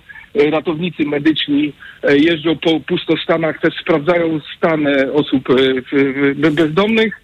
I ostatnio też taka fajna akcja, bo w Czechach wymyślono takie igla jakby, one są ze styropianu, z jakichś tam innych rzeczy, tak, i, i, i można je wstawiać też właśnie w pustostanach i, i, i w nich siedzieć i też jest cieplej e, tej osobie, ona nie zamarznie, więc e, taka fajna inicjatywa, która rzeczywiście gdzieś Ale to w Czechach, tam... tak? Nie, nie u nas jeszcze. Znaczy nie, to jest w Polsce, w Toruniu e, i, i właśnie Aha, Czech, czyli skopiowali ten pomysł. Torunia, Mhm. Oni kupują z Czech, ściągają właśnie te iglo. To jest, y, to jest y, jakiś niedawny wynalazek, natomiast to pomaga przetrwać osobom w kryzysie bezdomności te mrozy. No i gdzieś tam niestety w tym kraju, gdzie, gdzie system kuleje, no takie oddolne y, tego nie powinno być, bo system sobie powinien z tym radzić, prawda? Natomiast no, jeżeli sobie nie radzi, no ba- ba- bardzo fajna inicjatywa, bardzo mi się spodobała. Ostatnio grałem nawet na rzecz, na rzecz tego stowarzyszenia koncert. E, Bardzo fajnie, że ludzie potrafią jednak e, się zjednoczyć i, i, i pomagać tak naprawdę pro bono, nie mając za to nic, tak? Czy jeżeli ktoś e, jest w Toruniu, mieszka w Toruniu i zobaczy osobę, która prawdopodobnie jest w kryzysie bezdomności, to może również albo Się skontaktować się z fundacją, Torunia, tak. albo właśnie podpowiedzieć, że jest takie miejsce, gdzie można też uzyskać pomoc. Tak, tak. Oni prowadzą właśnie, to się nazywa sercownia, e, takie miejsce, gdzie, gdzie, gdzie można rzeczywiście zwrócić się o pomoc. E, Niezależnie oczywiście od tego, z jakiego powodu znaleźliśmy się na ulicy, nie, nie, niezależnie od tego, jakie są nasze poglądy, przekonania, cokolwiek. No to, e, to jest też ważne, że to jest po prostu organizacja, która pomaga ludziom, tak? Niezależnie od tego, kim ci ludzie e, są. Bardzo dziękujemy Panie Krzysztofie, że opowiedział Pan o tej inicjatywie z Torunia. Mm, Był z nami Pan Krzysztof z Torunia właśnie. E, Zajrzałam sobie do internetu. Widzę, że e, ta fundacja działa e, dwa lata. E, Więc e, dzięki naszemu słuchaczowi mogliśmy o niej e, dzisiaj usłyszeć. Jeżeli ktoś nie wiedział, myślę, że sporo osób, także tych w Toruniu oczywiście. A na adres mikrofonmałpatok.fm napisał do nas pan Jerzy i podzielił się swoją korespondencją, wymianą, którą miał z działem kontaktu z pasażerem E, i e, ta komunikacja nastąpiła w związku z tym, że e, jechał którymś środkiem komunikacji, tramwajem czy też autobusem i była w nim osoba w kryzysie bezdomności i obserwował, że niektórzy pasażerowie dość agresywnie reagowali na obecność tej osoby. No i pan Jerzy zapytał się, co w takiej sytuacji należałoby robić, jak to wygląda od strony prawnej i jak od takiej strony właśnie ludzkiej bardziej, czyli jak tu należałoby reagować. E, I otrzymał taką odpowiedź. Ja sobie e, ją trochę skróciłam i pozwolę sobie Państwu ją przytoczyć, bo wydaje mi się dosyć istotna. W odpowiedzi na Pana wystąpienie dotyczące obecności osób będących w kryzysie bezdomności w przestrzeni publicznej uprzejmie informujemy, że przepisy i regulaminy obowiązujące w środkach lokalnego transportu zbiorowego organizowanego przez miasto stołeczne Warszawa nie wprowadzają zakazu podróżowania dla żadnej kategorii czy grupy osób. Brak higieny osobistej nie stanowi przesłanki uzasadniającej podjęcie działań wobec osób niezagrażających bezpieczeństwu lub mm, w inny sposób nie łamiących obowiązujących postanowień. Stanowisko takie wynika z wyroku Wojewódzkiego Sądu Administracyjnego w Warszawie po rozpoznaniu, po rozpoznaniu sprawy ze skargi Rzecznika Praw Obywatelskich.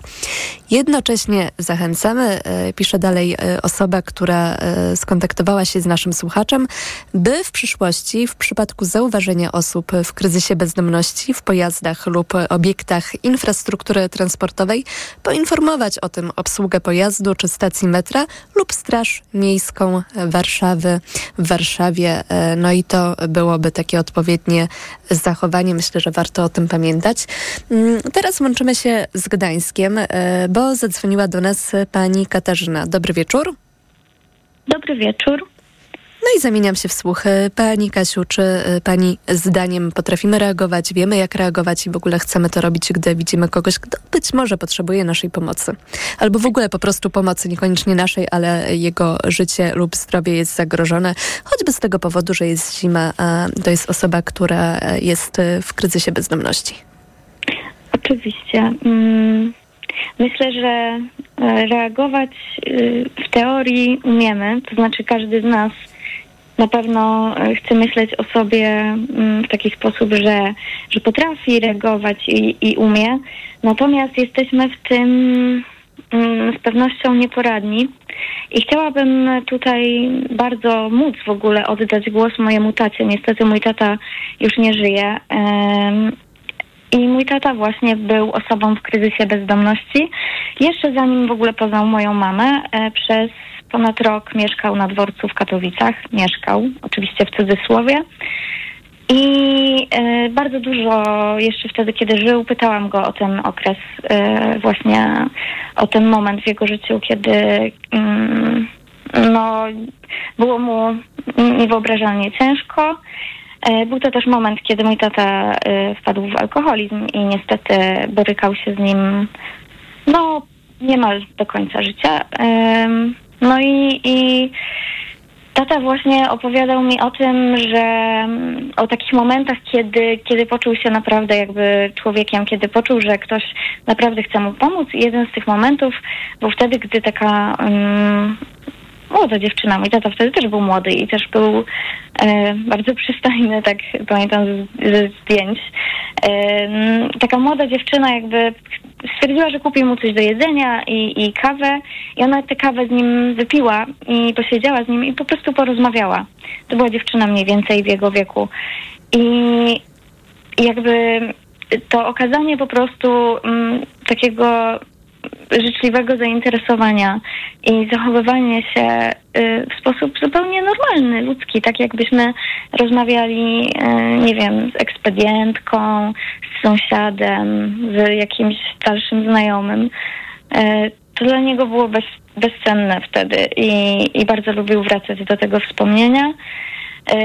Natomiast nie lubił wracać do wspomnienia właśnie z tego okresu świątecznego, kiedy właśnie jeździł bardzo dużo y, tramwajami, autobusami i patrzył na te światła y, w domach. Y, dlatego ja bym bardzo chciała y, apelować, bo, bo właściwie czemu nie, skoro y, mam okazję teraz, y, o to, żeby mm, przy takich osobach się zatrzymać. I nieważne, czy, czy te osoby są pijane, czy nie, jakby jest zimno i tutaj bezpieczeństwo e, życia ludzkiego jest ważniejsze. Natomiast, żeby się zatrzymać, żeby, żeby potraktować po prostu tych ludzi z życzliwością i z należytym im szacunkiem, ponieważ e, nie są od nas wcale gorsi.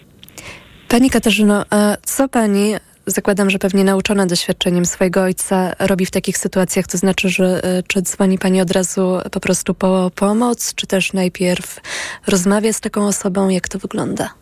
No to jest, nie, nie, ma, nie ma jednego schematu, bo zdarzało mi się i dzwonić, kiedy po prostu pan no, nie był zdolny nawet do tego, żeby rozmawiać. Niestety wymiotował i, i było z nim bardzo ciężko.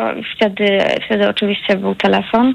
Natomiast yy, no, był, był taki moment, kiedy yy, po prostu rozmawiałam z panem i nie było wtedy jeszcze tak zimno, to był początek jesieni i rozmawialiśmy, wytłumaczył mi, dlaczego nie chce iść do przytułku, zrozumiałam to i po prostu przyniosłam mu koc z domu, kupiłam mu herbatę, yy, jakieś jedzenie, gadaliśmy sobie przez y, jakiś czas, a, dodzwoniliśmy się nawet do jego mamy, z którą mógł porozmawiać. Niestety to zakończyło się bardzo nieprzyjemną dla mnie sytuacją, bo kiedy byłam już w domu, y, na mój prywatny telefon właśnie y, przez to, że dzwoniłam do, do, do tej jego mamy, to, to ten mój telefon tam został zapisany. Zadzwonił ojciec tego mężczyzny i y, strasznie na mnie nakrzyczał za to, że mu pomogłam i powiedział mi też, że powinnam go sobie wziąć do domu, skoro jestem taka dobra. Więc y, tego już zupełnie nie rozumiem, natomiast no, indywidualnie no, nie, da, nie ma schematu jednego. To, to, to są po prostu ludzie, no tak, tacy sami jak my. Do każdego podchodzi się indywidualnie, jako do jednostki. Pani Katarzyno, bardzo dziękujemy, e, że Pani zadzwoniła, opowiedziała też o historii e, Pani ojca i, i pokazała, jak ważna jest empatia i traktowanie innych osób po prostu na równi, niezależnie od sytuacji, od okoliczności, w jakich dana osoba się znajduje. A teraz e, łączymy się z Panem Jackiem z Wrocławia. Dobry wieczór, Panie Jacku. Dobry wieczór Pani, dobry wieczór Państwu. Ja chciałem e, w zasadzie poruszyć trzy e, krótkie wątki. Mam nadzieję, że się nie powtórzę, dlatego że przez parę minut byłem e, poza, daleko od radioodbiornika i nie słyszałem wypowiedzi innych słuchaczy przed serwisem.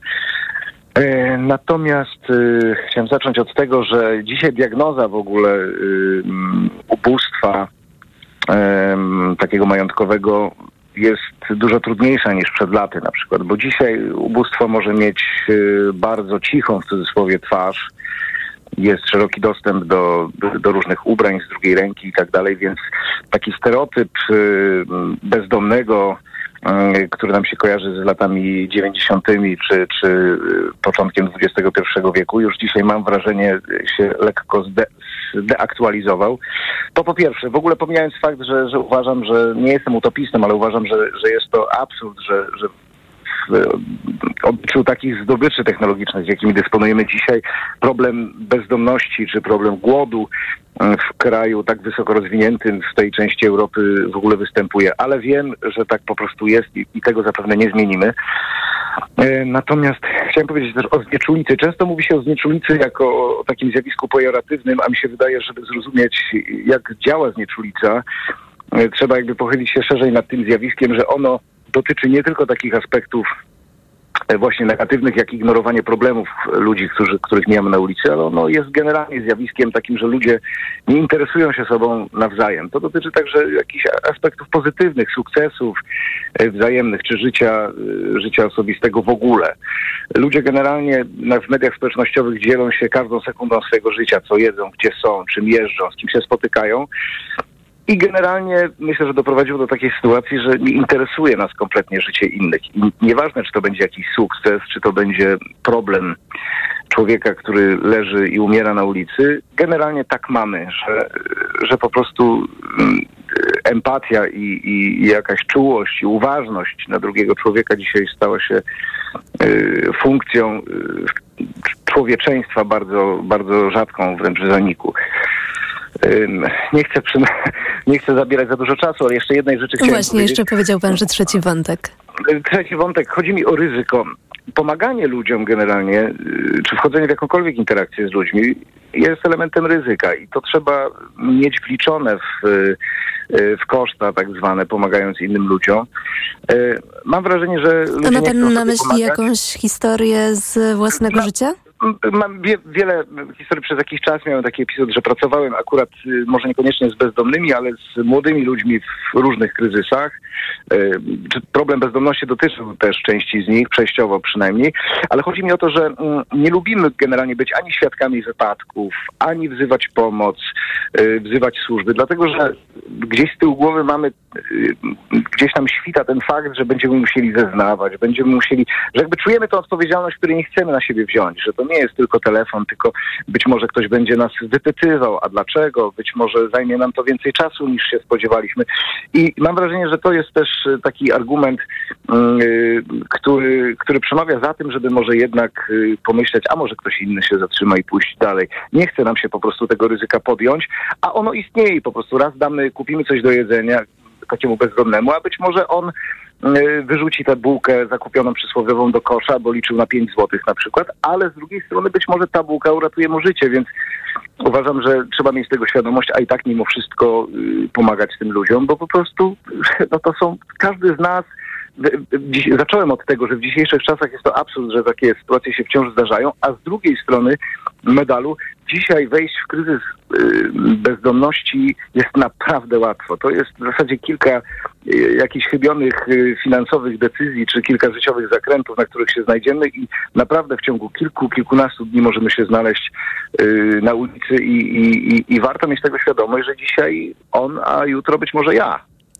Panie Jacku, bardzo dziękujemy za Pana głos. Był z nami Pan Jacek z Wrocławia. Pan Jacek dokonał e, takiego e, e, rozebrania może na czynniki pierwsze em, tematu znieczulicy, tego jak on postrzega przyczyny takiego zjawiska, o którym czasem się mówi w kontekście tego, że nie reagujemy odpowiednio szybko jako społeczeństwo na jakąś daną sytuację. I ostatni jeszcze Państwa głos dzisiaj w związku z naszym dzisiejszym tematem dotyczącym właśnie tego, e, czy potrafimy, czy chcemy em, zareagować w jakiś sposób, gdy widzimy osobę, która być może potrzebuje e, pomocy. Jest z nami pan Paweł z Gliwic. Dobry wieczór. Dobry wieczór, bardzo się cieszę, że mogę się do Państwa to, to dodzwonić. Państwa, jestem w takiej ciekawej sytuacji, bo pomagam bezdomnemu już 5 lat. Wiem, jak to naprawdę wygląda. Proszę Państwa, dość często jest tak, że to, jak my pomagamy tym ludziom, to naprawdę tym, tym ludziom robimy krzywdę. Ja sam nie wiedziałem o tym, że sam robię krzywdę pomocą innym, innym takim właśnie bezdomnym. Otóż, proszę Państwa, w Polsce prawo dla bezdomnych jest bardzo dobre. Tylko ten bezdomny musi chcieć po, y, te, tej po, pomocy. Najczęściej jest tak, że znajdujemy bezdomnego, dajemy mu 5 zł, 2 zł, dajemy mu kod i w swoim sumieniu czujemy się, jesteśmy wspaniali, pomogliśmy. Tak naprawdę nie pomogliśmy temu człowiekowi. Powiedział- Też tak myślałem. Właśnie, powiedział Dlatego- pan, że mm, popełniał pan błędy. Tak, Y, przestań, bo taka pomoc powoduje to, że utrzymujemy daną osobę w danej bezdomności. To co pan zrobił w takim razie, bo powiedział pan, że przez pięć Tak. lat pomaga? Roz- Pomag i pomagam, tak. Pamiętaj, to, y, ludzie bezdomni to są ludzie chorzy psychicznie. To są najczęściej znane Oj, choroby, myślę, że pan generalizuje. Oczywiście problemy ze zdrowiem psychicznym mogą się pojawiać, ale myślę, że to jest też szerszy wachlarz. w większości są jednak zaburzenia. Proszę Państwa, mam w rodzinie lekarzy. Przez ta daną osobę dałem do ośrodka psychiatrycznego do, do leczenia. Dwa razy. Państwa, zrobiłem wszystko. Dałem mieszkanie, pracę. Państwa, większość ludzi to są ludzie, które spotkały w życiu jakieś nieszczęścia i nie radzą sobie. Jeżeli my chcemy naprawdę ludziom pomóc, to zacznijmy od edukacji. Panie Pawle, no to w takim razie właśnie jak wygląda taka pomoc? Jak pan pomógł, żeby pomagać e, skutecznie? Panią, akurat w tym wypadku, bardzo trudnemu przypadkowi dzwoniłem do, ro, do, do rodziny, do ojca. To jest, ta pani też podała, na, podała, że podała kod komuś tam. Moja żona poszła do takich bezdomnych, dała kod. A pan ze straży miejskiej nakrzyczał, że proszę panią, pani robi źle tą pomocą, bo pani utrzymuje, że pani dała ten kod, że ci ludzie będą mieszkać w tym namiocie. A tak naprawdę w państwie polskim są ośrodki pomocy. Trzeba tylko iść. Trzeba- Tak, tylko też jeżeli- nasi słuchacze jeżeli widzimy- opowiadali, opowiadali o tym, jak e, czasem te warunki bywają... e, Państwa, byłem tam, Przenią, byłem tam, Przenią, jeżeli ktoś opowiada, to, to, to co innego. Jeżeli ktoś własnymi oczami widział, jest naprawdę inaczej. Ci bezdomni nie mają tam złych warunków. Ludzie mają dobre serca i dają tam dużo pieniążków. Miasto daje. I- i Jeżeli oni chcą, no to pójdą tam. Panie Ale Pawle, no, to dobrze, to jeszcze pytanie w takim razie na koniec. jest- Jak w takim być razie... edukacja w szkole, Mhm. żeby do tej do bezdomności nie doszło, żeby wiedzieć, że ten człowiek w przyszłości, co może zrobić w razie y, takiej be- bezdomności. Nie jak już jest, już jest chory, ciężko chory i jest w tej bezdomności. Rzadko kiedy tak się zda, zdarza, że faktycznie ktoś jest bezdomny, bo tam stracił mieszkanie, bo miał długi. Ale to jest bardzo rzadko. Jednak w większości ta bezdomność jest spowodowana jakimiś nieszczęściami, traumami z domu. I ci ludzie, podanie im 5 złotych, podanie im kota nic nie da. O Tylko pomoc lecznicza w. Bezdomności też opowiadała nasza gościni na, na początku e, Agnieszka Sikora, prezeska Fundacji Po drugie, bo właśnie mówiła, e, jak e, m, może wpływać choćby kwestia życia w domu z problemami na to, że potem osoby, bo ona akurat pracuje w fundacji wspomagającej osoby młode w kryzysie bezdomności, Tak, tak, jak tak, to właśnie tak. może wpływać. To jest największy dramat. Właśnie tych ludzi młodych największy dramat, bo dość często na przykład zawalili szkołę, rodzice ich wygonili, mieli w domu piekło, nie mieli miłości. I proszę Państwa, no to się potem w życiu tak procentuje ne- negatywnie. Tutaj bez naprawdę takiego fachowego y, w szkole, jak pomóc drugiej osobie. Nie żeby uspokoić swoje serce, że dam mu kod, dam mu 5 złotych. Tylko ja się z tym czło- człowiekiem bezdomnym męczę, proszę Państwa, przez 5 lat. Daję mu pracę, mieszkanie. Panie Pawle, tak, to, to, to już tutaj Musi być lekarz, przez to taki musi być naprawdę fachowa. Jeżeli to chcemy komuś naprawdę pomóc, przez to zadzwonimy na przykład na Straż Miejską, na policję. Oni mają odpowiednich fachowców, mają odpowiednie środki. Jeżeli ja komuś y, sam będę udawał, że mu pomagam, to jest tylko udawanie. I tutaj pan Polsce- zrobił taką pewną em, pętlę, bo właśnie o takiej pomocy również po prostu polegającej na tym, żeby, y, żeby zadzwonić y, do odpowiednich służb, bo one będą wiedziały, y, w jaki sposób y, zaradzić w danej sytuacji. Y, Opowiadała nasza gościni właśnie na początku tej audycji. Y, Jeżeli chcą Państwo posłuchać tej rozmowy, bo y, na przykład nie mieli okazji, to będzie można ją znaleźć y, w naszym systemie podcastowym. A teraz już y, nasz dzisiejszy program dobiega końca. Wydawała go Karolina Kłaczyńska, realizował Krzysztof Malinowski. Bardzo Państwu dziękujemy za wszystkie Państwa głosy i komentarze i opowieści, niektóre też bardzo trudne, bardzo osobiste, mm, co tym bardziej e, doceniamy. E, Już za chwilę książkę na głos, książkę Sylwii Ziętek e, Tylko one, polska sztuka bez mężczyzn, czyta Ewa Abart, a ja bardzo Państwu dziękuję i życzę udanego wieczoru. Małgorzata Wałczyńska, do usłyszenia. Mikrofon, Tok FM. Tok FM.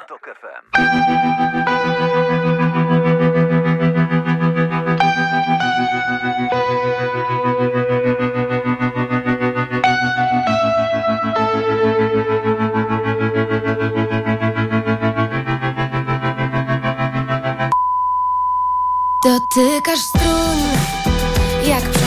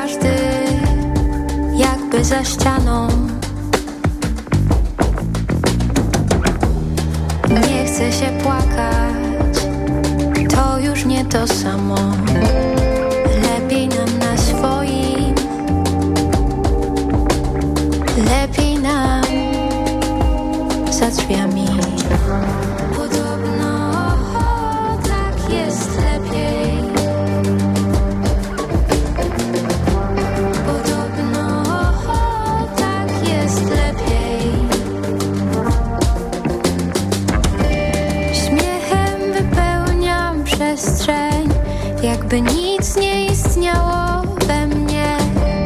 Ten obraz był tylko wspomnieniem Zaklętym pod powiekami cieniem. Zerwane wszystkie nadzieje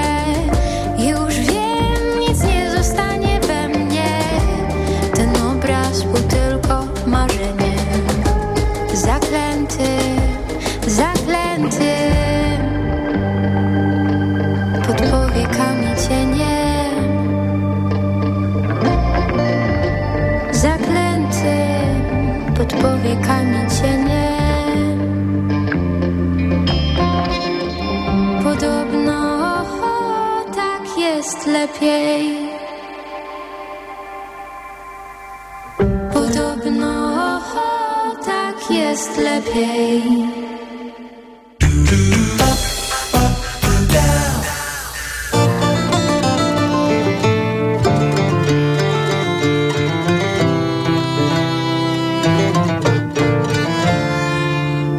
Znowu zamykam drzwi, na noc przekręcam czwarty spust. Zasłaniam okna, by nikt nie zobaczył drżących ust. Szczelin i pęknięć brak, pozamykany szczelnie dom.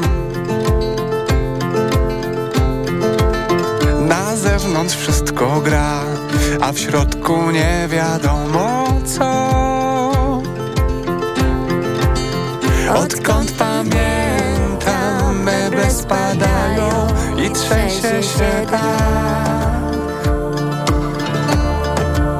Przed domem spokój, aż słychać najlżejszy wiatr. Nie umiem wyjść, żeby stanąć przy tobie. Mijają dni, znowu nic ci nie powiem, znów mi się śnisz. I że nie mi lat,